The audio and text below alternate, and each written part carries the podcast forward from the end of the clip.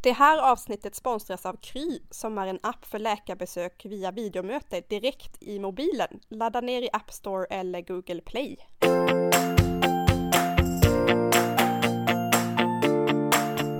Hej och välkomna till Att resa-podden om att uppleva världen. Lisa har precis ja, ganska precis kommit hem från New York och jag, jag har följt hennes äventyr på takbarer, på löprundorna i eh, Central Park och den ena häftiga restaurangen efter den andra. Och jag inser ju att eh, vi måste ha ett helt avsnitt om New York special Ja, den här världens, världens mest fantastiska stad i hela världen. Jag är så glad att jag äntligen har fått åka tillbaka och återuppleva den härliga staden som jag älskar så sjukt mycket och har varit tillräckligt mycket i för att känna att vi kan köra ett specifikt avsnitt och verkligen prata om New York och göra en massa tips och så. Vi brukar ju göra oss lite roliga över folk som säger åh, mitt Thailand och mitt New York och så. Men Lisa, New York är ju faktiskt ditt för att du har ju ändå bott där? Ja, alltså inte superlänge men eh, tre månader i alla fall för några år sedan och varit där ganska många gånger. Men jag brukar inte slänga mig med det här mitt New York. Jag tycker att det är lite uttjatat. Alla skapar ju visserligen sitt eget New York, det där har vi varit inne på tidigare, men, eh, men jag älskar New York och jag vill verkligen inspirera till det. Jag tycker att det är en stad som alla bara borde besöka. Jag fattar att det är en stad som inte är för alla, för det är ändå väldigt maxat liksom, super, super, super intensivt och så. Men någon gång innan man dör ska man åka till New York tycker jag. Man är liksom inte i en bara i en världsstad eller en storstad i USA utan man är, man är i hela världen när man är i New York på något vis. Jag var där 2001 precis faktiskt, bara någon månad eller några veckor innan eh, 9-11 och var uppe i World Trade Center och jag var bara där några dagar men jag, jag fick inte riktigt den här wow wow wow känslan som alla pratar om så jag förstår att jag måste åka tillbaka för att få den. Och jag tänker att eh, jag kommer få en massa inspiration av dig nu Lisa. Ja, men vi hoppas på det. Jag har lite samma känsla också om första gången jag var i New York också. När min eh, mamma fyllde år och bjöd med oss. Det måste också ha varit ungefär då, eller eller lite tidigare, 99 kanske. Men eh, ja, de flesta blir blixtförälskade vid första ögonkastet och eh, för vissa tar det kanske lite längre tid. Men eh, ja, New York är värt att åka till. Men det, jag vet inte, det är supersvårt att ha ett helt avsnitt om New York och prata om det och tips och så, för jag vet inte riktigt vart man börjar. För mig handlar det så himla mycket om stämningen. Alltså jag tänker Jay-Z Empire State of Mind. Vet du vad jag tänker på då när jag säger det? Du tänker på musik? Ja, alltså du vet de här fraserna. The streets will make you feel brand new. The lights will inspire you. Let hear it from New York. Alltså det är, det är så det är. There's nothing you can't do now you're in New York. Alltså är man där, då är liksom hela världen öppen för en. Det finns hur många möjligheter som helst. I want to be a part of... Ja, man vill vara en del av New York, världen. Så ja, och så känner jag det här med att göra en guide, att det, att det är väldigt svårt. Egentligen vill jag inte, för för mig är New York, det handlar om att uppleva, att vara i stan, att njuta av känslan. Det handlar liksom inte om checklistor eller att gå till eh, den och den platsen för att se det, utan det handlar om att känna det. Man ska inte gå till Central Park för att man ja, har sett det i Vänner eller i Sex and the City att de springer där, utan man ska gå dit för att man vill känna lugnet i den här världsstaden och för att man vill fascineras av vackra vyer och färgglada blommor och en annan typ av New York-puls och samtidigt just det här lugnet. Att känna lunken och själen, det, det är liksom det det handlar om. Jag tycker inte att det ska vara en check in the box, jag tycker det ska vara en, eh, en känsla.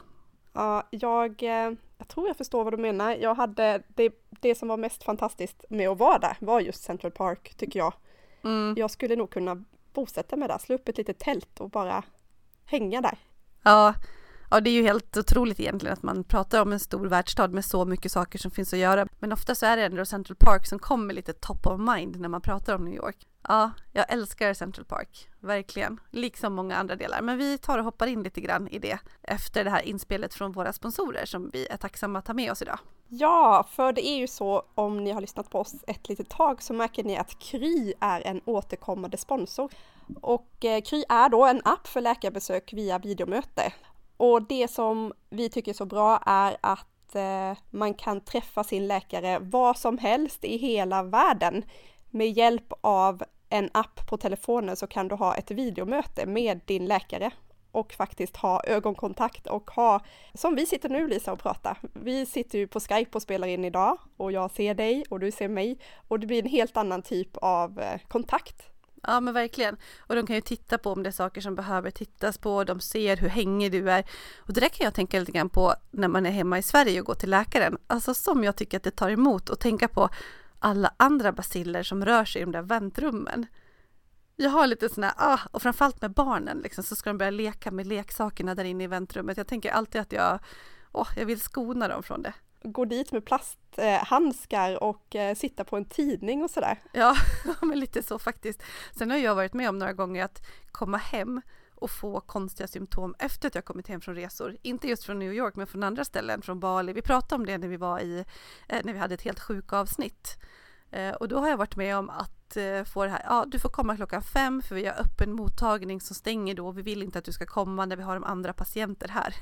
Nej, och en annan jättestor fördel är att slippa vänta och sitta i, alltså dels sitta i telefonköer. Jag vet att jag pratade faktiskt med en kompis i veckan och eh, såklart tipsade henne om Kry. Hon hade blivit runt eh, slussad, jag vet inte hur många samtal, hon ringde till sin vårdcentral, hon fick sitta i telefonkö och de kunde inte hjälpa henne så hon fick ringa någon annanstans och hon höll på att snurra, jag vet inte hur många omgångar. Här har du en, eh, en app och du kan välja och bli uppringd en viss tid, så du behöver inte sitta och vänta.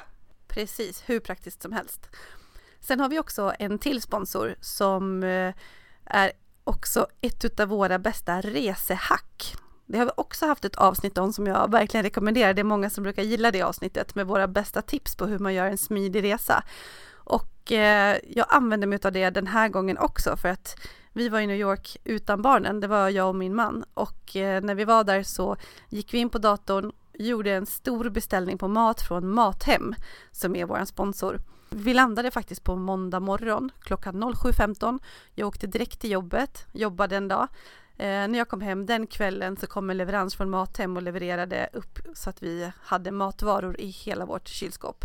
Det är alltså som en vanlig matbutik online som man beställer hem varorna och så kommer de att levereras. Värsta grymma resehacket att när du är borta boka in en leverans så att det kommer när du kommer hem så behöver man inte oroa sig för en tom kyl eller vad man ska äta eller när man ska dra iväg och handla. Och eh, vi ska också tipsa om att de faktiskt bjuder på glass på leveranserna nu i sommar och det kan ni kolla mer på om eh, ni kikar in på deras hemsida mathem.se. Tack våra sponsorer Kry och Mathem. Nu går vi vidare till huvudtemat för det här avsnittet, för vi vill höra allt om New York, Lisa. Och jag tänkte faktiskt börja fråga dig hur, hur man ens kommer dit, alltså vilken resrutt körde ni? Är det dyrt att åka? Mm. Eh, vi bokade biljetter jättetidigt. Vi visste att vi ville åka över Kristi himmelfärds för att få några extra semesterdagar. Och det är alltså slutet på maj och jag tror vi bokade det här i höstas någon gång, ganska tidigt efter sommaren. Då betalade vi 3500 per person för tur och retur med SAS direkt, så det var ju otroligt bra pris. Jag tror att runt 5000 kanske man ska räkna med att någonstans där ligger en biljett tur och retur. Eh, såklart är det ju alltid härligt att flyga direkt. Då tar det ungefär 8 timmar, 7-8 timmar någonstans. Man har lite jetlag att prata om. Det är ungefär 6 timmar, men jag tycker att man hanterar det ganska bra. Eh, vi flög mitt på dagen någonstans och kom fram i New York på eftermiddagen.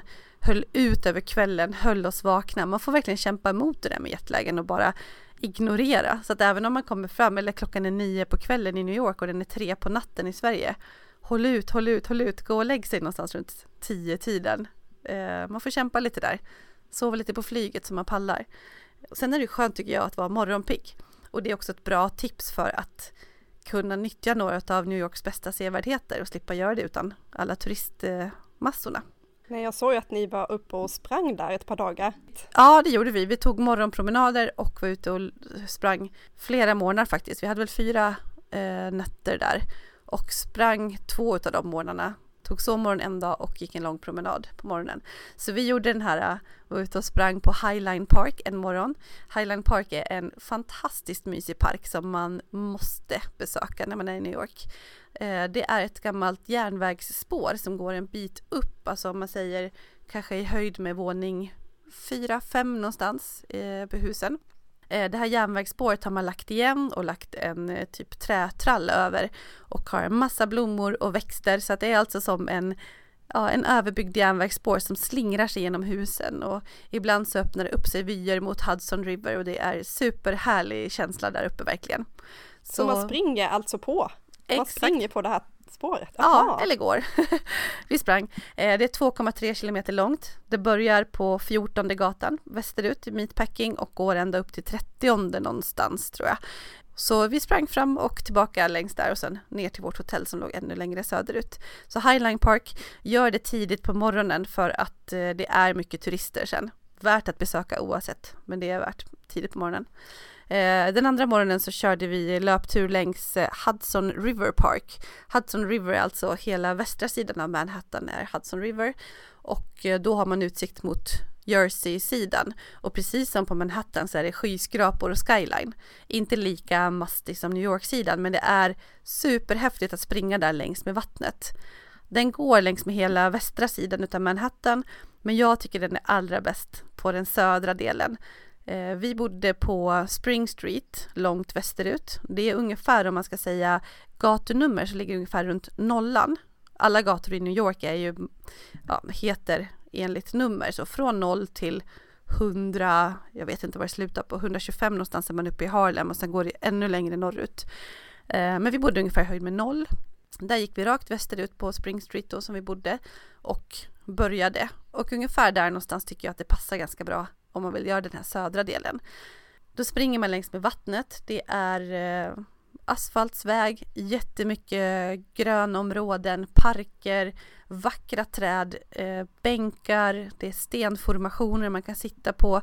Du har den här fantastiska utsikten. Alltså, där är lokalborna och springer och går på morgnarna. Eh, och när man kommer lite längre söderut så har man också sen utsikt mot Frihetsgudinnan. Och man kommer hela vägen ner till Battery Park och där kan man vända och springa tillbaka. Eller så fortsätter man på östra sidan och då springer man förbi en massa stora segelfartyg som ligger där. Så den är också härlig. Men västra sidan, Hudson River Park, sydvästra Manhattan, är otroligt fint och det var en jätte, jättehärlig morgon i morgonsolen där och med den här härliga utsikten mot skyskraporna på Jersey-sidan. Jag skulle vilja också höra lite mer om det här med ESTA och eh, alltså vad är det som gäller där? Jag vet att jag har haft vänner som har blivit grundlurade, som har klickat sig in på fel länkar. Och komma in, ens få komma in till USA nu med tanke på att det är rätt struligt. Ja, precis. Esta, nu hoppade vi lite här från en park till eh, resan, men det kanske var jag som hoppade lite fram och tillbaka, det gör ingenting. Man får ta det. Eh, exakt, när vi pratar om resan och att åka till eh, New York så behöver man ett inresetillstånd och det är det som är ESTA, E-S-T-A. Man går in på en sajt online och här ska ni inte gå på en massa tips som man hittar på bloggar eller massa sånt där utan leta efter det som ser ut att vara government, alltså den riktiga sidan där man ansöker. Och så går man in och ansöker om det här tillståndet och du måste ange dina passuppgifter, namn och så vidare. Och det går ganska fort att få godkänt, några dagar, men gör det i god tid så man inte behöver oroa sig. Och sen ligger det inne i systemen när man kommer fram. Och eh, så mitt tips är att kolla, gå in på den äkta sidan direkt. Kolla så att du har ett pass med giltighetstid som är tillräckligt lång. Jag tror att det är minst sex månader när man kommer hem. Och sen namnen. Se till att du skriver i samma namn på din biljett till New York med din förnamn, mellannamn, alltihopa och strunta i vad du har för tilltalsnamn utan skriv alla i den ordning de kommer och gör det på biljetten precis som du har på passet och på ESTA på exakt samma sätt. Det är tipset. Bra, då eh, har jag koll på det där också. Mm. Eh, precis, så det var ju det om lite så här formalitet kring resa och jetlag.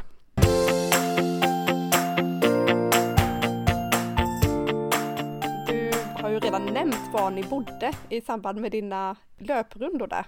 Men det vill jag jättegärna veta var man ska bo för att det verkar finnas ungefär 10 000 miljoner platser att välja på och allt verkar vara jättedyrt.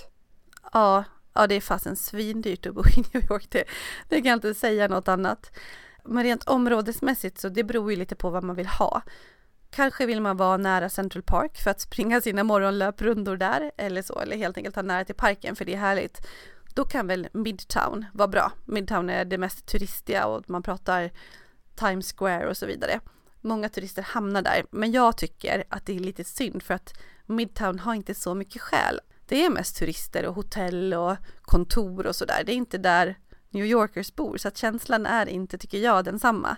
Så det är lätt att fastna där och man kan hitta de här lite billiga hotellen, men eh, nej, jag föredrar södra delarna. Jag har bott i Chelsea en gång, det ligger norr om uh, Meatpacking. Man kan väl säga Meatpacking ligger på 14 gatan som sagt, på västra sidan. Lite norr om det, runt 18, 20, 22 någonstans. Eh, det är jättetrevligt, väldigt lugnt område. Då har man väldigt nära upp till Midtown och, och så om man nu vill åt de hållen. Men man är också nära söderut som jag tycker att det är de ställen där nattlivet är härligast. Alltså om man vill ut på härliga restauranger och barer och så. Så Chelsea var jättebra. Eh, den här gången bodde vi längre söderut som sagt och hotellet heter Hotell Hugo. Det var jättebra. De hade en helt fantastisk takbar. Jag är en sucker för takbarer och den här var en av de härligaste jag har varit på. Den var inte stor, men den hade en helt magisk utsikt. När man kommer lite längre ner så är det på vissa ställen att det inte är skyskrapor så tätt som det är i Midtown, utan det är liksom lite områden med lägre hus och eh, det gör också att man kan se lite längre. Och så var det här så himla fin utsikt mot Lower Manhattan och, ja, och uppåt mot Midtown också. Och sen var det framförallt att det var så här sköna loungemöbler, soffor, avslappnad stämning. Det var någon DJ som stod och spelade. Det var lite så här graffiti på väggarna och eh, ja, det var så opretentiöst men galet fint verkligen. Så det var på Hotell Hugo långt söderut. Eh, det tillhör Soho, på gränsen ner mot Tribeca kan man säga. Och jag kanske tyckte att det var lite i sydligaste laget, men eh, de andra tyckte att det var bästa stället som vi har bott på. Så att ja, det funkade bra. Vi hänger mycket i Meatpacking, Soho, Lower East och då var det ett jättebra ställe att, att vara på. Lite långt upp till parken, men eh, ja. Men, men, hur mycket får man räkna med då och betala? På ja. ett ungefär? det finns ju många olika typer utav hotellrum, men om det har få stjärnor så är standarden låg. Det ska man vara beredd på. Sen finns det ju sätt att komma ner i pris genom att till exempel ha delat badrum och så och det behöver inte vara så dramatiskt. Det behöver inte vara jätteofräscht för det. Det här hotellet som vi bodde på hade ganska små rum men superfräscht. Verkligen ett snyggt hotell eh, och då kostar det nog i alla fall kostar det 2 5 3 tusen per natt nästan för ett dubbelrum. Så det är ganska mm. dyrt ett tips är att man blir medlem i så här medlemssajter, sådana som släpper lite så här hemliga priser. Så det gjorde vi. Vi var, med, vi var medlem i ganska många sådana olika. Eh, och då kan man ju få mail om att de kanske släpper ett hotell med så medlemspris. Och så bokar man på sig och har bra koll tycker jag på att det är avbokningsbart. För kan man avboka vart eftersom så kan man ju hålla utkik efter när det kommer sådana erbjudanden. Att bara gå in på en sajt och försöka hitta, så det är ganska svårt. Men eh, ja, ha lite is i magen, boka något som du kan avboka bara någon dag innan och ha koll igen. Det är mitt tips. Eh, sen finns också vissa sajter som kör så här sista minuten boende. Ofta är det ospecificerat att du inte vet exakt vart det hamnar men att du garanterat att bo vid fyrstjärnigt och så vidare. Och eh, då kan man komma ner ganska bra i pris. Har jag fått tips om själv, har jag inte testat men eh, ja, men sen är man ju inte där så mycket alltså, så att jag vet inte hur viktigt det är det där med hotellet. Sen kan man ju alltid bo utanför också. Det finns ju jättehärliga närförorter som är bara några tunnelbanestationer bort. Ja. Eh, sen hyra lägenhet är ett annat alternativ. Men där har jag förstått att det är förbjudet i New York med korttidsuthyrning, alltså lägre än 30 dagar. Eh, jag vet inte exakt vad läget är där, men det ska man kolla upp. Så jag vet ganska många som haft lite problem med Airbnb och sånt i New York. Det enda jag tycker man ska kolla det är att gå in och kolla på någon sån här bedbug report så att det inte är ett hotell som har vägglöss. Nej tack, det vill jag inte ha med mig hem. Nej, men exakt. Eh, så ja, det var lite svävande svar kanske, men eh, det är svårt med boende på Manhattan och i New York. Det är dyrt. Ta sig runt då. Jag, jag har förstått det som, eller när jag var där, jag vet att jag tror att jag undvek tunnelbana så mycket det bara gick och eh, gick istället. Bara gå, gå, gå. Men varför ville du inte åka tunnelbana då? Jag ville se så mycket av stan som ja. möjligt. Ja, just det. Ja, men det är ju fullt rimligt. Tunnelbana, då ser man ju ingenting. Det är en ganska så tajt liten tunnelbana och liksom ganska ocharmig, sunkig sådär. Men man tar sig ju långt på ganska kort tid. Om man åker taxi, vilket är betydligt billigare än i Sverige, så kan det ju ändå dra iväg och man fastnar lätt i köer. Det tar ganska lång tid. Man kommer upp och ser och det är ju såklart charmigt med de här gula taxibilarna. Men eh, ja, tunnelbanan går snabbare, men man ser inte så mycket. Men det är, det är ganska billigt. Man betalar runt 2,53 dollar någonstans för en enkel resa. Ska man åka mera så kan man köpa ett eh, kort en hel vecka för typ 30 dollar, så det är ganska prisvärt. Då åker man ju så mycket man vill. Och jag tycker att tunnelbanan är ganska enkelt och, och så.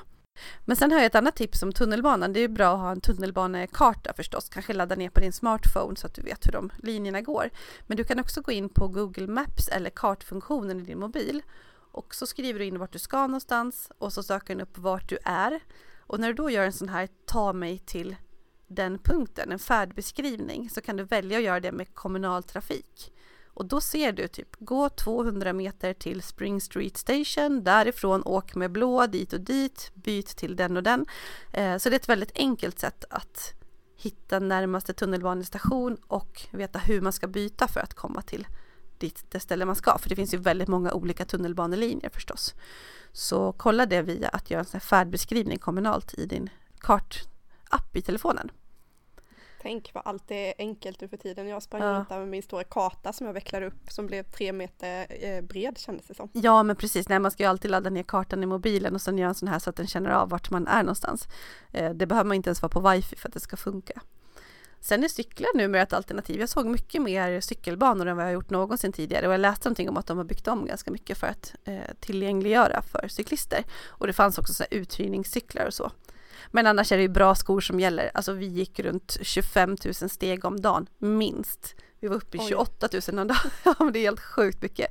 Så det är bara gå, gå, gå. Bekväma skor och eh, så. Det är inte så himla långt. Man brukar räkna med att det tar ungefär en minut att gå en gata. Alltså om man säger de här som går på norrledden så att säga. Om du ska gå från södra Manhattan till norra.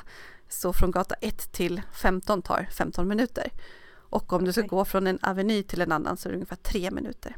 Men kan man eh, fixa alla stadsdelar på en dag? Tror du det? Absolut Om man är riktigt inte. effektiv? Nej, ja. inte en chans. Eh, det finns alldeles för mycket att se i varje stadsdel.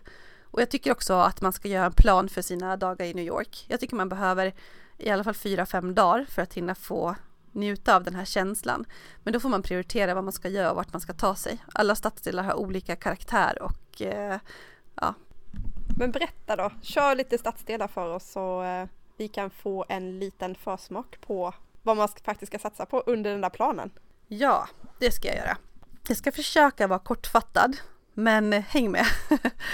Eh, Soho då, det var lite känt för att det är så här konstnärskvarter, charmigt, lite bohemiskt, hippt. Så är det inte riktigt längre tycker inte jag. Det är ganska posh och det handlar mycket om shopping. Å andra sidan är det härligt och det är mycket bra butiker som ligger nära varandra utan att du behöver gå in i de här stora galleriorna som tycker jag kan vara ganska ocharmigt. Så vill man ha shoppingdag då tycker jag att det är Soho snarare än känslan. Ska jag ge ett tips om du behöver en paus och är i Soho så tycker jag att du ska gå upp till takbaren Jimmys som ligger på James Hotel. Det är ganska litet men en skön oas och också så här härlig utsikt. På våning 18 ligger det. Det är inte, inte flådigt och stort men värt det där om man vill ha den lilla pausen. Eh, sen har man Chinatown som ligger precis i närheten av Soho. Man går egentligen, ja, helt plötsligt så befinner man sig i kvarter som är helt kinesiska. Och det är helt otroligt att känslan kan ändras så himla snabbt. Helt plötsligt är det som att vara i en, på en gata i Asien. Och där har vi käkat på ett superhäftigt ställe som heter Jing Fong. Det är ett jättekul minne faktiskt. Dit blev vi medtagna av ett par vänner som bor i, i New York. Och eh, eh, tjejen där, hon är från Hongkong som pratar kinesiska och hon tog med oss till det här stället för ett gäng år sedan när vi var där.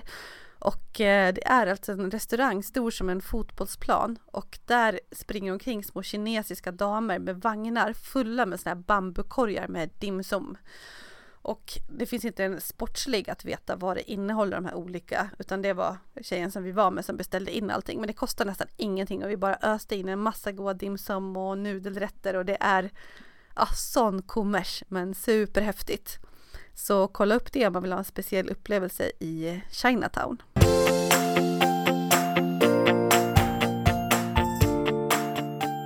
Lite längre norrut så har man West Village och Greenwich Village och det är superhärliga områden. Traditionellt så var det jazzkvarter kan man säga och också Bob Dylans hemkvarter är det känt för och så.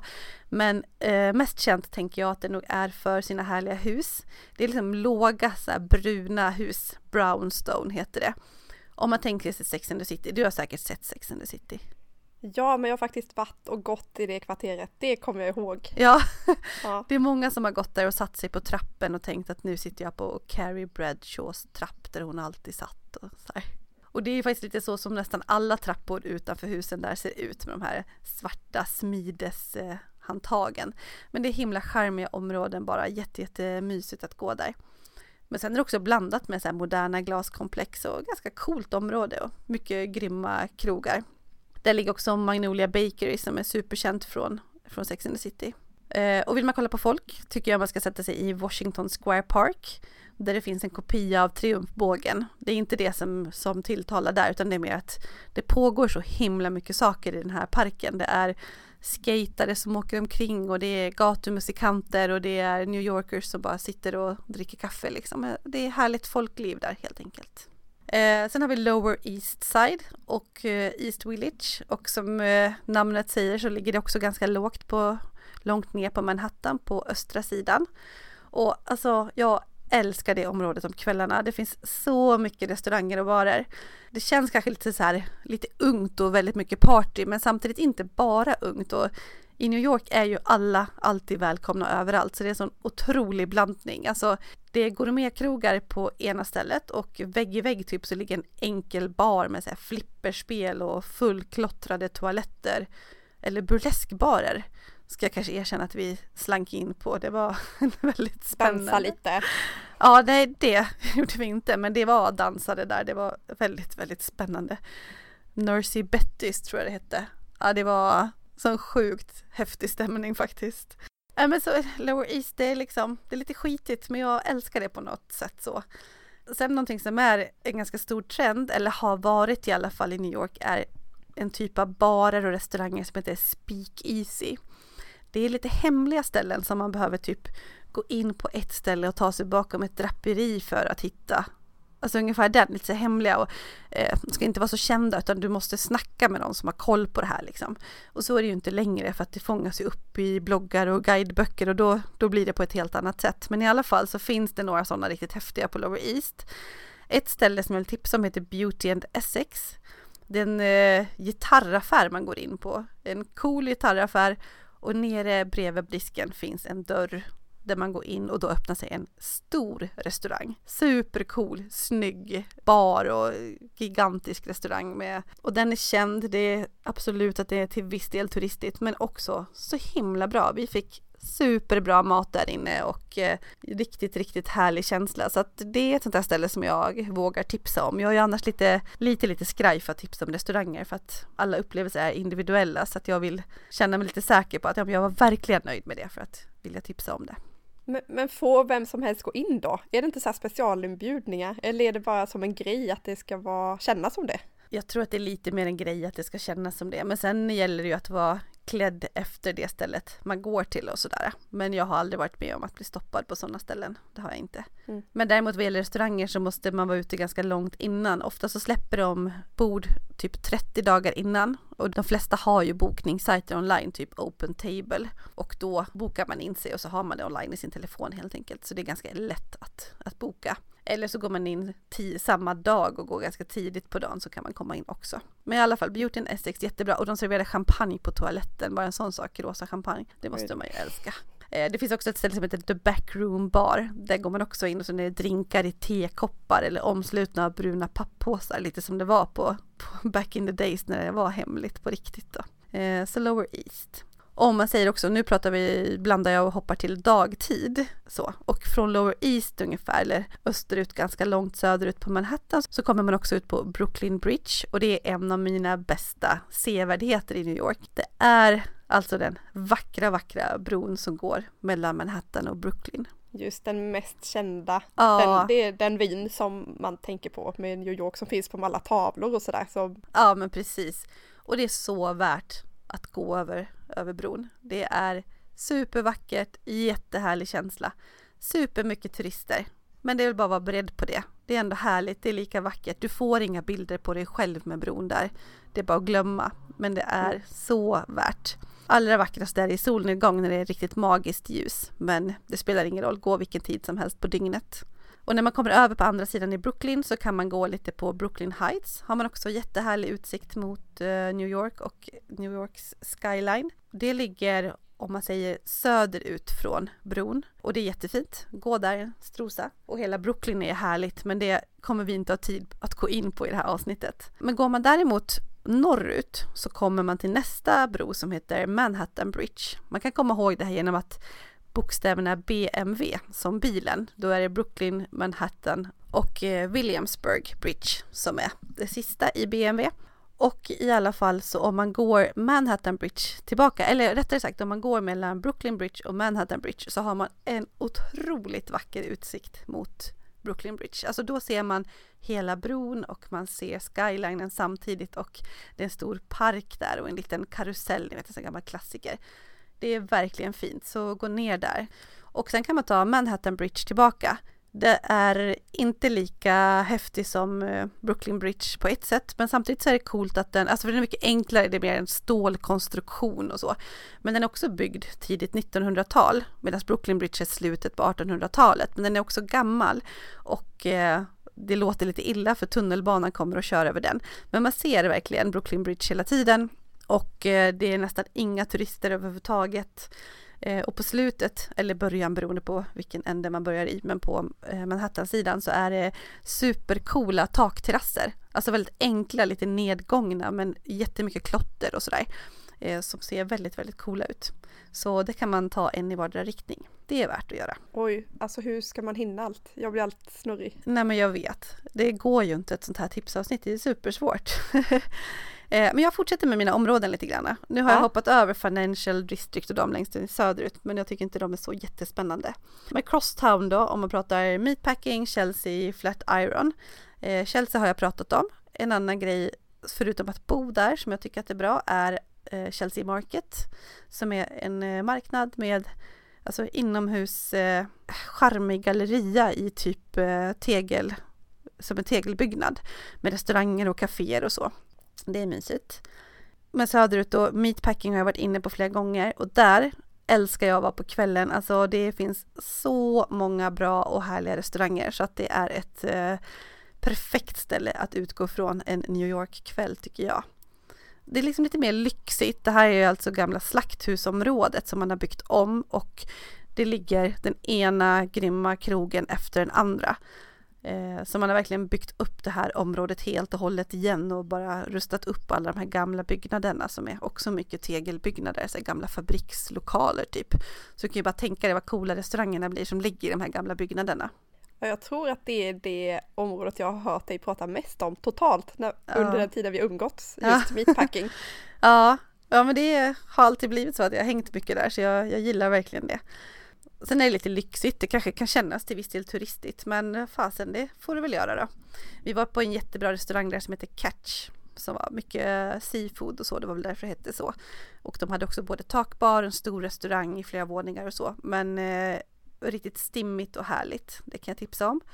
Eh, sen ligger The Standard Hotel där som är ett ganska känt hotell som har rakt igenom glasväggar från typ golv till tak. Eh, ja, superläckert. Eh, jag har själv inte bott där, min man har gjort det, men däremot är takbaren helt magisk. Jättelyxig, de sitter och spelar piano eller lite jazz. Det är liksom den känslan. Det är stilettklacken snarare än sneakers där. Så det jag kanske... tänkte säga det, men där är det verkligen dresscode tänker jag. Ja, Eller? jo men det är det nog och det kan kännas lite liksom, lite väl stiff, nästan otrevligt när man ska gå in. Men eh, för en fördrink tycker jag att det är värt det. Sen får man betala 22 dollar för en drink. Men eh, ja, tycker man att det kan vara härligt med en liten lyxkänsla så tycker jag att det är nice att gå dit. Och så ligger en nattklubb där också, The Boom Boom Room. Men eh, vi nattklubbade inte någonting den här gången. Men härlig drink och både utomhus och inomhus. Eh, Mittemot ligger Gansworth Hotel och de har också en jättehärlig takbar utomhus eh, som går liksom runt hela hotellet som det är. Eh, superfint. Så ja, meatpacking finns många godbitar där. Sen gäller ju alltid att googla alla restaurangtips och så vidare. Det är ju ganska så ögonblicksbild. Många ställen finns kvar länge men det händer ju också saker på, på restaurangscenen hela tiden. Just det. Mm. Eh, Midtown som sagt inte min favorit. Jag tycker att det, att det inte har så mycket själ, vilket jag var inne på tidigare. Men det är ju ändå där som det är på något vis hjärtat vad gäller det här neonljusen och de här höga husen och alla taxibilar och så vidare. Så det är klart att man kan gå dit bara för att kolla in och känna och, känslan. Och Broadway ligger väl där också? Ja, exakt, det stämmer. Broadway är egentligen en ganska lång gata som går söder från och norr, men om man säger Theatre District så ligger det också i Midtown då. Eh, där gäller att boka biljetter till de här fantastiska musikalerna långt innan hemifrån. Eller så kollar man efter sista minuten biljetter antingen på, det finns en eh, liten eh, biljettoffice på Times Square. Eller så går man till den specifika teatern och kollar så kan det släppas där också. Men ni, ni satsar inte på några musikaler? Nej, inte den här roligt. gången heller. Nej, och inte förra heller tänker jag. Det är så roligt att se hur olika fokus man har. Min syrra var i New York eh, med sin dotter för några månader sedan och det var typ allt de gjorde. De gick på hur många musikaler som helst. Ja, men alltså det är fantastiskt med musikaler och jag har gjort det. Bara inte på ett tag. Och framförallt inte i New York för jag älskar att hänga på takbarerna den tiden som de går och äta god ja. mat. Men det är bara så. Mm.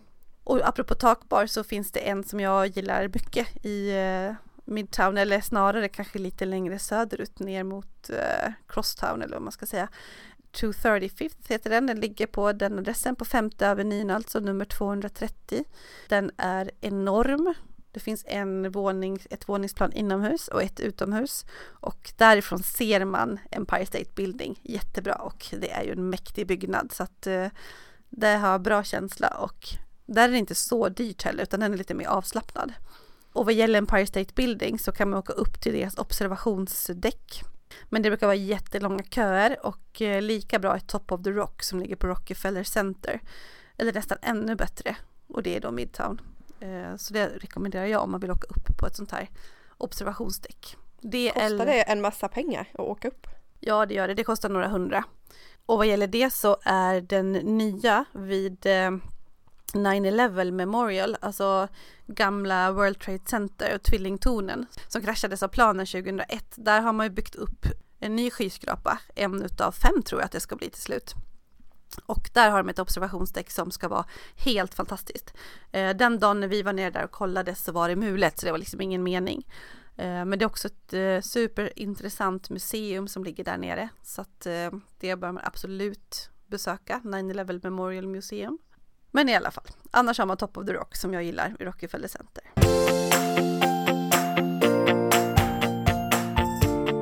Längre upp, Upper West Side är en favorit hos mig eh, och det är för att vi bodde där då när vi bodde där 2008. Det är lugnt men härligt och det känns liksom bekant och hemma och lite lugnt. Det känns som en eh, lilla syster liksom till allt det där andra. Till exempel Magnolia Bakery i Soho där är det jättelånga köer. Folk står där och köar jag vet inte om man vill man vill vara på precis det stället som är med i Sex and the City och alla filmer och så. Eller är man ute efter bakverken? För om det är det, då kan man lika gärna gå på Upper West Side där det finns en filial. Där går du bara rakt in och handlar dina, vad de nu heter, cupcakes. Jag är bara ute efter bakverken så jag kommer ja. gå till uh, Upper West Side då. Ja men gör det. och vill man ha goda saker ska man gå in på Zabars eh, som är en uh, matvarubutik som är helt magisk med frukt över hela väggar och så här gammal rustik inredning och mycket ekologiskt och den är, ja det är en hel upplevelse att gå in där. Men framförallt Upper West Side är härligt för att det är nära Central Park och Central Park har vi varit inne på, det är ju ett magiskt ställe. Men varför är det så häftigt? Jag vet inte. Alltså det, det, jag tycker att det är speciellt att besöka parker överhuvudtaget. Och det är ett, en sak som jag alltid gör under mina resor i storstäder och leta upp en park och spendera minst en halv dag för att jag tycker att det är man ser så mycket av staden och dess människor genom att bara sitta på en bänk och observera. Det är ju där det händer liksom. Ja, ja men det är dit de tar sig när de vill eh, ta det lite lugnt och bara vara. Så det är självklart och jag tänker lite grann att ja men det är liksom, det är en stads lungor på något sätt. Det är där man kan andas och det är ju så centralt. jag tycker om man ska göra Central Park att man inte bara ska vara i södra. Alltså i södra finns många fina områden på kort avstånd från varandra. Eh, men det är också från södra delen för då kommer man in från Midtown och det är också mycket där som det är väldigt mycket turister. Så visst, det är fint, man ska gå omkring där, absolut. Men åk längst upp till norr också och inte minst i mitten. I mitten ligger Jacqueline och Nassis reservoar som är en ganska stor sjö och att gå runt den, det är otroligt härligt verkligen. Du har skyline hela vägen och det är en perfekt liten grusväg som man kan gå eller jogga omkring. Det är så vackert. Det är höjd med 90 ungefär. Och allra längst upp i norr så har du också flera små ponds som det heter, så små eh, dammar. Jätte, jätte, jättefint verkligen. Tar man... kan man, ja jag tänker, jag, jag skulle kunna se dig och din man där paddla omkring tänkte jag säga, ro omkring i en roddbåt. Har ni gjort det någon gång? Nej, det gör man i eh, lite längre i söderut i en annan eh, pond där. Jag har aldrig gjort det. Jag tror att det är jätteromantiskt och mysigt och lite sådär, men det känns ju lite så här turistfälla-aktigt. Men ja, men det är klart att det är jättecharmigt. Gör det. Och så ligger det en liten restaurang som heter The Boathouse som är jättefin. Så det är klart man ska göra det. Så ska man gå runt där och gå på de här små, det finns en massa små broar som går över små dammar och så inne i Central Park och det står alltid något brudpar och blir fotograferat någonstans där. Mm. Det är mm. det som är så häftigt med Central Park. Det är så många olika känslor i olika delar av parken. Det är därför jag tycker att man ska ta sig runt lite mycket och Alltså hela parken är typ en mil att ta sig runt och så finns det massa, massa små vägar inne i parken.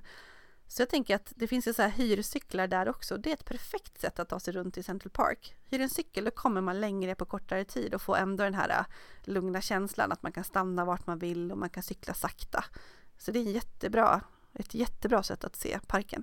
Mer då? Ska, vad ska vi klämma in för fler stadsdelar? Ja, oh, gud, orkar vi med? Nej, ja, jag... det gör vi. Harlem. Jag vill veta mer om Harlem. Ja, jag har inte varit där supermycket, men Harlem, det är ju det då som börjar precis norr om parken. Så på typ 110 någonstans började det. Och eh, för några år sedan, eller för ganska många år sedan, så var det så här men att man inte riktigt skulle ta sig dit och gå där. Men så är det ju absolut inte längre. Framförallt inte dagtid så. Och det känns att det är en liten annan känsla där tycker jag. Och sen ser man några sådana här häftiga ställen, typ Apollo Theater som är en riktig klassiker så här, när det kommer till musik. Så här Jackson 5 och Ella Fitzgerald, de har uppträtt där innan de blev kända. Bara sådana saker. Mm. Och så har det precis gått något tv-program i Sverige om det också med svenskar som åker dit och eh, framträder. Har du sett det? Nej. Nej men typ Håkan Hellström som är min favorit, och, eller en av mina favoriter, han har varit där och en massa så här uh, otippade svenskar som har fått vara på Apollo Theater. Men sen vad gäller musik så gospel är ju stort och det är en grymt häftig upplevelse att åka till Harlem och gå på gospel. Man är välkommen i vissa kyrkor och vissa tider. Jag vet att när vi gjorde det här för ganska många år sedan så droppade vi bara in. Vi bokade dit en söndag och bara, ja men vi ska bara gå på gospel någonstans. Så gick runt och letade på någon kyrka och kollade, ha, kommer det någon gudstjänst här man får gå in på? Och fick gå in på en läktare, för då var det så att turisterna fick sitta på en läktare och vi var inte alls många, vi kanske var typ 30 pers. Och det var sånt drag, helt fantastiskt. Och nu vet jag, man kan ju såklart kolla upp det här innan och hitta sådana som är mer lämpade för turister och så. Men eh, gospel en söndag i Harlem, det är magiskt alltså. Det, det kommer jag satsa på. Oj, oj, oj. Ja, och sen eh, vill jag nämna Marcus Samuelssons restaurang Red Rooster som är väldigt omtalad och Marcus Samuelsson han är ju lite så ikon för oss svenskar i eh, krogvärlden. Och när han öppnade i Harlem för ganska många år sedan, jag vet inte, det måste vara tio år sedan i alla fall tänker jag. Mer, eller? Ja, någonstans där så blev det väldigt omtalat och det handlar inte bara om maten, maten ska vara superbra men jag har förstått att stämningen där är toppen. Att det liksom barhänget och lite så här vardagsrumskänsla och så. Och sen har det gjort mycket för Harlem generellt att visa att man kan våga etablera gourmetkrogar där också. Och gett arbetstillfällen och sådär, så att det där ska han hyllas för. Eh, sen har ju vi, jag har inte ätit där själv, men jag har ätit på hans eh, restaurang som ligger i Clarion Hotel Amaranten på Kungsholmen som heter Taproom. Där var ju du och jag för typ ett halvår sedan kanske. Och ja, Ja. Och det var ju så otroligt gott alltså. Vi satt ju och bara slickade tallrikarna. Ja. Det, det, kan jag verkligen rekommendera. Jag som inte brukar gå på restaurang jättemycket men det, det var, dit kommer jag definitivt gå med ett, eh, ett gäng kompisar framöver. Ja, jag fattar inte varför inte alla går dit. Det är så här, de serverar smårätter som inte var superdyra och så vackra och smakade otroligt bra. Så att det är ju värsta grymma after work-stället att bara droppa in på. Så Marcus Samuelsson, vi får tacka honom för både vad han har gjort för Harlem och vad han har gjort för Stockholm och Kungsholmen. Ja exakt, man behöver inte åka till New York, det räcker med att dra till Kungsholmen Ja. och käka. Exakt. Upper East Side har jag som en sista. Eh, det är inte mitt ställe riktigt. Det finns jättemånga bra ställen där, men det är lite så här posh, lite Östermalms eh, känsla. Men det finns såklart guldkorn, väldigt, väldigt många där. Bästa hamburgaren sägs det, JG Mellon. Jag har inte testat, så jag kan inte svara på det, men det ska vara otroligt bra. Eh, vi var däremot nere i Midtown på ett ställe som heter Burger Joint som också var sån här speakeasy ställe. Att man gick in i hotellobbyn på ett eh, lyxhotell som heter Le Meridien Park tror jag. Och i hörnet bakom in i lobbyn bakom feta draperier där gick man in. Och så var det ett litet liksom sunkigt hamburgerställe utan fönster med klottrade väggar och lång kö. Och så serverar de billiga hamburgare på, liksom, du vet, bara i papp som, ja, så sunkigt, eh, lite grisigt fett, bara la på bordet liksom. Ja, gud, det går inte att förklara känner jag, men eh, det måste upplevas. Men det var sjukt gott och jättebra, men eh, har ju också kommit med i massa guideböcker och det är inte så hemligt längre, utan den där kön till att beställa ringlar sig nästan ut i lobbyn på hotellet. Men det var en bra burgare, den är med och, eh, i det här New Yorks bästa och ska nog förtjäna att vara på en topp 10-lista i alla fall. Ett annat litet tips på Upper East Side är att ta The Roosevelt Island Tram. Det är en linbana som åker över East River från Upper East och över till Roosevelt Island. Och då får man också den här skylinen mot eh, New York och det ska vara superläckert och kostar bara som en eh, resa med tunnelbanan. Så det är ett billigt nöje. Det finns sådana också. Om man ska se New York på ett annat sätt som jag, jag såg en av våra resevloggskollegor gjorde, han, han åkte ju helikopter över Manhattan. Ja, Det verkar ju superhäftigt alltså. Det, om man har en slant över efter sitt eh, New York-besök så kan man göra det sista dagen. ja. Fast det har man kanske inte. Nej men precis, men det är faktiskt superhäftigt. Jag har gjort det också. Vi fick det i bröllopspresent för vi kom till New York och bodde då ganska så exakt efter att vi hade gift oss. Eh, så det fick vi i bröllopspresent utan några kompisar och det var superhäftigt. Nu får de inte flyga över Manhattan utan man åker precis utanför då.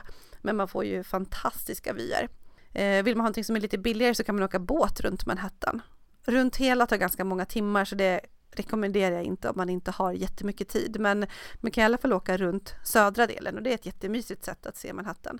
Och då kommer man också förbi eh, Frihetsgudinnan som annars inte riktigt är värt ett besök utan det räcker att åka förbi med båt. Eh, vill man göra det gratis så tar man en färja som heter Staten Island Ferry.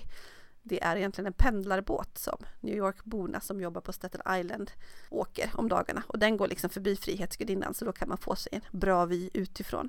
Och klicka med kameran så man får det på bild såklart. Ja, precis. Men den är mäktig. Alltså det är en mäktig staty, jag tycker det. Sen att man inte behöver dit och liksom gå upp Nej, och men- upptäcka. Ja. Det känns ju som att det är så mycket symbol. Det är ju, Ja. det är ju New York, friheten.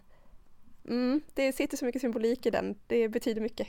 ja, verkligen. Något annat då? Jag vet att många åker ju till, till New York för att shoppa. Jag har kompisar som åker dit bara för att shoppa. Ja, vart går de då? då? Ja, det, är- det är en jättebra fråga som jag ställer dig. Ja. Nej, men det finns ju såklart hur mycket shopping som helst. Och det kan vara jättekul. Men jag är lite mer så här för att bara gå omkring och bara vara och känslan som sagt. Men det är klart att det finns bra shopping och, och så. Sen kan det bero lite på hur dollarn är och just nu är dollarn dyr så att eh, man, man behöver ju inte göra det av den anledningen då för det är inte särskilt billigt. Jag går ju alltid på Sephora, det tycker jag är nice, så här sminkaffär som har så mycket. Finns i Sverige nu också men det är inte samma sak. Eh, sen är Macy's är ju ett eh, väldigt klassiskt ställe. Det är det största varuhuset, jag tror att det är ett av världens största. Och det är jättecharmigt, gammalt och så. Och dit går jag alltid och eh, åker upp på barnavdelningen för att leta efter märkeskläder till barnen. Brukar vara ganska prisvärt faktiskt om man hittar, de har ju ofta flera avdelningar som är nedsatta priser och lite så. Och när man är där, likväl som Bloomingdales som är ett annat eh, stort varuhus, så ska man gå till Visitors Center och få ett kort som gör att man får 10% rabatt när man är, eh, när man är turist. Så man visar upp sitt pass, tror jag man behöver med sig. Det kanske räcker med körkort, men ta med passet för säkerhets skull. Så har man 10% på allt, så det är jättebra. Väldigt bra tips. Ja, sen finns en eh, outlet som heter Woodbury Commons som ligger en bit utanför New York. Jag tror att det tar typ en halvtimme, 45 minuter att åka buss. Och där finns en, eh, ja det är alltså en outlet så det är en massa billiga affärer där. Alla stora märken har eh, butiker där, alltså även märkesaffärer, du vet det är Marc Jacobs och det är DKNY och det är alltså från mitten som jag kanske är mitten plus som jag pratar om nu till de riktigt Porsche och enklare. Eh, jag tycker inte att det är värt att göra det för det tar typ en hel dag och kommer man tillbaka i rusningstrafik tar det superlång tid. Men tycker man om att shoppa och att det är värt att lägga tid på så ja, visst. Vet du Lisa, samma helg som du var i New York så var en av mina andra kompisar också där. Bara det att hon, hon spenderade sin sista helg där av totalt sett en månad. Oj. De eh, gjorde en, eh, uppfyllde en dröm och var där en månad tillsammans med hela familjen. Så de åkte dit med sina barn som äldsta sonen börjar skolan nu till hösten så de passade på. Mm -hmm. Och det här är en grej som jag verkligen blir sugen på. Mm. Jag drömmer ju om att bo i USA och jag tänker att man kanske, det kanske kan räcka med att bara få en känsla ungefär. Ja men en eller två eller tre månader. Ja men berätta, hur var ehm. hennes upplevelse? Ja men hon var ju, hon var ju helt salig. Varenda dag så la hon ut så här, åh, åh, det är så bra, det är så bra. Ja. Eh, och då bytte, alltså då hyrde de ut sin, sin lägenhet i Stockholm på Airbnb och sen hyrde de via Airbnb i Brooklyn. Och det kan man ju faktiskt göra då eftersom det var en månad. Mm. Och det gick ganska jämnt ut sa hon. Det var väl några tusenlappars skillnad sådär. Sen att stanna en månad, jag tänkte att det skulle bli väldigt dyrt, men om man hyr ut boendet samtidigt här och sen är där så kan man, de försökte göra sådana, gå på gratis museum till exempel, det finns eh, gratisdag och eftermiddagar och de passade på att jobba också. Så de jobbade 50 procent och så hade de liksom halva dagarna och åka, åka omkring med barnen. Eh, jag frågade henne om hon hade åkt dit på en weekend med barnen eller inte och det hade hon inte gjort. Inte en weekend. Med tanke på jetlagen så behöver man nog vara i New York minst en vecka för att barnen ska få ut maximalt av tiden. De hängde mycket i de här parkerna vi har pratat om. Det finns en massa parker och små trädgårdar och museum som passar för hela barnfamiljen. Sen är de ju duktiga på att ha de här stora leksaksaffärerna som man bara kan gå runt som inte är liksom inte så mycket för att bara shoppa utan väldigt mycket en upplevelse och bara vara där som ett stort lekrum. Hon var där också vet jag när, när äldsta sonen var sju månader och det är ju en perfekt ålder då kan man ju bara ha dem i bärselen eller i vagnen och springa omkring hela dagarna. Mm. Och hon tipsade om att men, ta flera veckor, försök att göra det här utbytet för då kan man ändå, ja det gör ingenting om det regnar en hel helg. Annars så tänker jag att man får panik av att dagarna bara regnar bort eller att man har en dålig dag eller att barnen bara vill vara hemma och kolla på iPaden. Det gör liksom inget. Så det är en sak som jag nu börjar fundera på om man skulle faktiskt kunna göra. Ja, Tänk en månad. Ja, verkligen. Då hinner man ju känna den där känslan. Alltså när vi var där då tre månader så träffade vi eh, ganska mycket svenskar genom så här, gemensamma bekanta. Så vi började hänga med ett gäng där. Och de var där på sina utbyten i typ två år. Och de sa alltid till oss som var där i tre månader att Gud vad ni gör mycket varenda helg, vad ni ser saker och ni har ju sett mycket mer av New York än vad vi har gjort. Vi tänker om allt, och gud gjorde ni det där? Vi ska göra det någon gång, men de tog sig liksom inte riktigt för, för att de hade så pass lång tid på sig. Vi med våra tre månader såg till att göra alla de här sakerna vi ville göra. Vi var i alla stadsdelar, alltså jag lovar att vi har gått över denna Manhattan så att det på ett helt sjukt sätt och vi har gjort helikoptern och båten och det och det och det, alltså ja, inte musikalerna, men allt annat. Eh, mm. Men i alla fall, det blir ju så när man är lite kortare tid och ändå får känna sig som att man har sina ställen. Alltså jag gick ner till, jag hade min lokala sushi-ställe som jag gick till och käkade lunch nästan varje dag och plockade upp min Starbucks på just det hörnet, men ibland gick jag till hörnet där sju blocks bort för jag tyckte att det var trevligt. Ja, men du vet lite så här olika. Och jag tänker att när man är där en månad så måste det vara exakt den känslan man får. Att man verkligen mm. landar och får New York-känslan och som de bor i Brooklyn lite utanför och där är det verkligen en vardag som pågår på ett charmigt sätt och sen ta tunnelbanan in och gör allt det här och hinna med det som du verkligen vill se och få, få landa i New York. Men jag tycker det låter som perfekt och med familjen. Det finns jättemycket härliga lekplatser och i Central Park och sådär som jag tänker att åh, här skulle mina barn tycka var kul och vad kul det vore att vara här med dem. Men mm. inte så att det skulle vara värt över en helg eller knappt ens en vecka. Men det här, ja, vad kul. Ja, jag, eh, jag blev jätteinspirerad av henne. Sen har jag mitt problem med att min man inte gillar storstäder så himla mycket. Det är ju det som jag har att jobba med nu. Ja, men då ska du locka honom med några av mina andra favoriter som är det här med att gå på idrotter. För han gillar ju idrott. Och det är superkul. Vi var på hockey, New York Rangers i Madison Square Garden. Alltså själva arenan är ju en kult bara den liksom. Supercoolt. Och vi såg Henrik i mål. Ja, det var så kul. Vi var också på basket på New York Knicks som också var faktiskt en bröllopspresent. Så, så himla kul att få den typen av bröllopspresenter tycker jag. Eh, så det gjorde vi. Vi var också på Yankee Stadium och gick på baseball. Så det finns ju mycket sånt att göra också. Och bara glida omkring mm. eller bara stanna till i en park i Greenwich Village och se de här små barnen hålla på med sin baseballträning eller någon match. Eh, sista dagen vi åkte hem söndag eftermiddag, då stod vi på förmiddagen, var ute och promenerade och då var det så här träning och senare match. Vi blev stående där till en kvart, 20 minuter, vi fyra, vi var ju två par som åkte och bara åh, tänk om vi bodde här, undrar om våra kids skulle vara med då. och vi stod där nästan och hejade bara Great Elias, kör! och bara levde sig in. Så det kan du locka honom med tänker jag. Bra Lisa! Ja. Du känner mig så väl nu så du vet ja. till och med bättre än, än jag själv vilka tips som, eller vilka trådar jag ska dra i. Ja men exakt. Mm. Ja, jag är jätteglad Lisa att eh, jag har en New York-expert eh, mitt emot mig. Och eh, mm, jag, jag kommer att åka tillbaka. Och jag kommer lyssna på det här avsnittet om och om igen. Och jag kommer ringa dig och jag kommer läsa din blogg där du faktiskt har skrivit jättemånga bra tips på livetfråndenljusasidan.se. Ja, jag har skrivit om sevärdheter och restauranger och takbarer och allt möjligt, så där kan man gå in och botanisera. Sen kan vi också tipsa om vår bloggkollega Annas eh, blogg som heter eh, New York My Bite of the Apple. Och eh, hon har ju så otroligt mycket tips om New York verkligen. Hon är galen i New York, den tjejen. Ja, hon åker dit så ofta hon bara kan och det är verkligen ett supertips. Finns det någonting som hon inte vet om New York, då är det nog inte värt att veta. Ja, förutom Hotell Hugos takbar som jag tipsade om. Hon bara, det har jag aldrig testat och jag bara, det måste du göra nästa gång.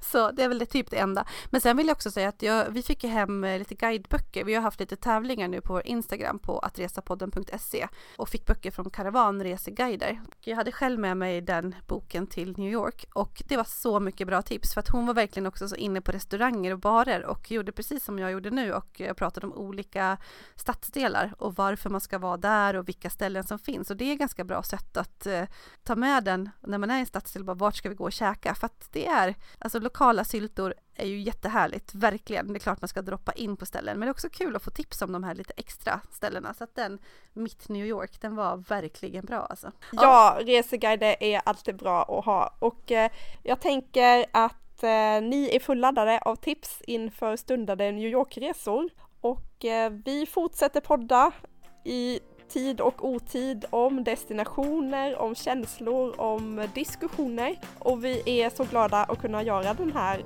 podden. Verkligen, och vi är glada för att ni är så himla många som lyssnar på oss. Det är galet kul. Tipsa fler av era kompisar. Vi vill ha ännu fler lyssnare. Vi tycker det är jätteroligt att det ökar hela tiden. Och så vill vi också tacka våra sponsorer Kry och Mathem för att de är med och gör den här podden möjlig.